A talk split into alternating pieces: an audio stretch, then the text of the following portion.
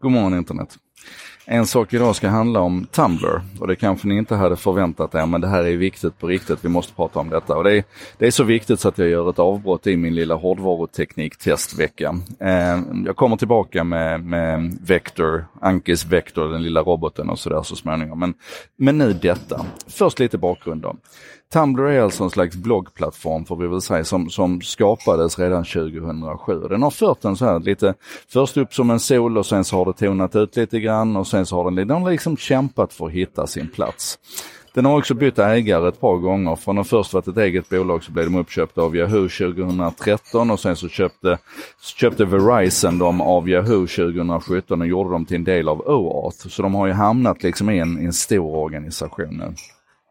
Och det här är intressant ur perspektivet vad det är för innehåll på Tumblr för att den har ju haft lite svårt att som sagt hitta sin, hitta sin roll. Va? Den är inte riktigt ett socialt nätverk även om det finns mycket community-tjänster där. Det är inte riktigt en, en fullskalig bloggplattform som, som Wordpress till exempel.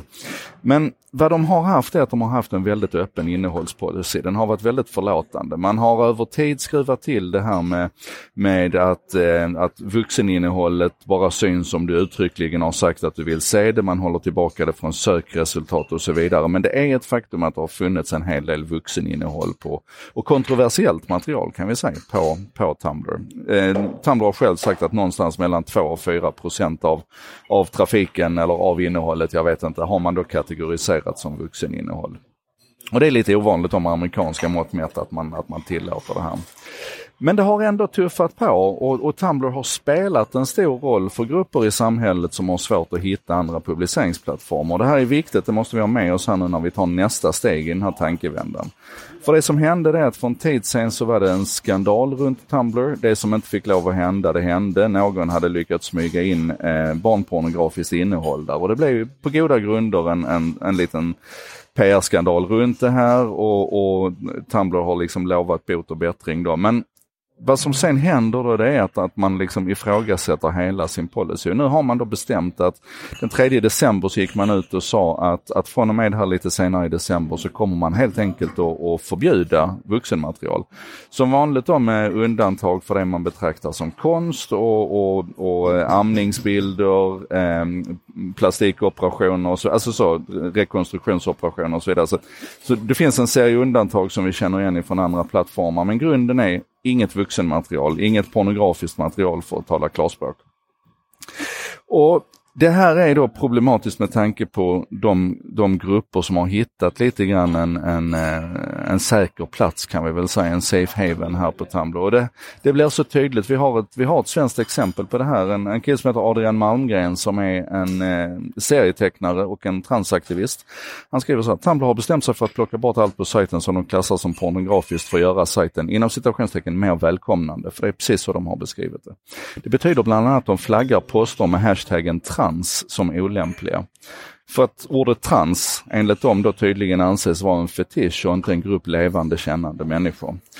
Eh, han, Adrian, taggar alla sina seriesidor med ordet trans. Samtliga inlägg.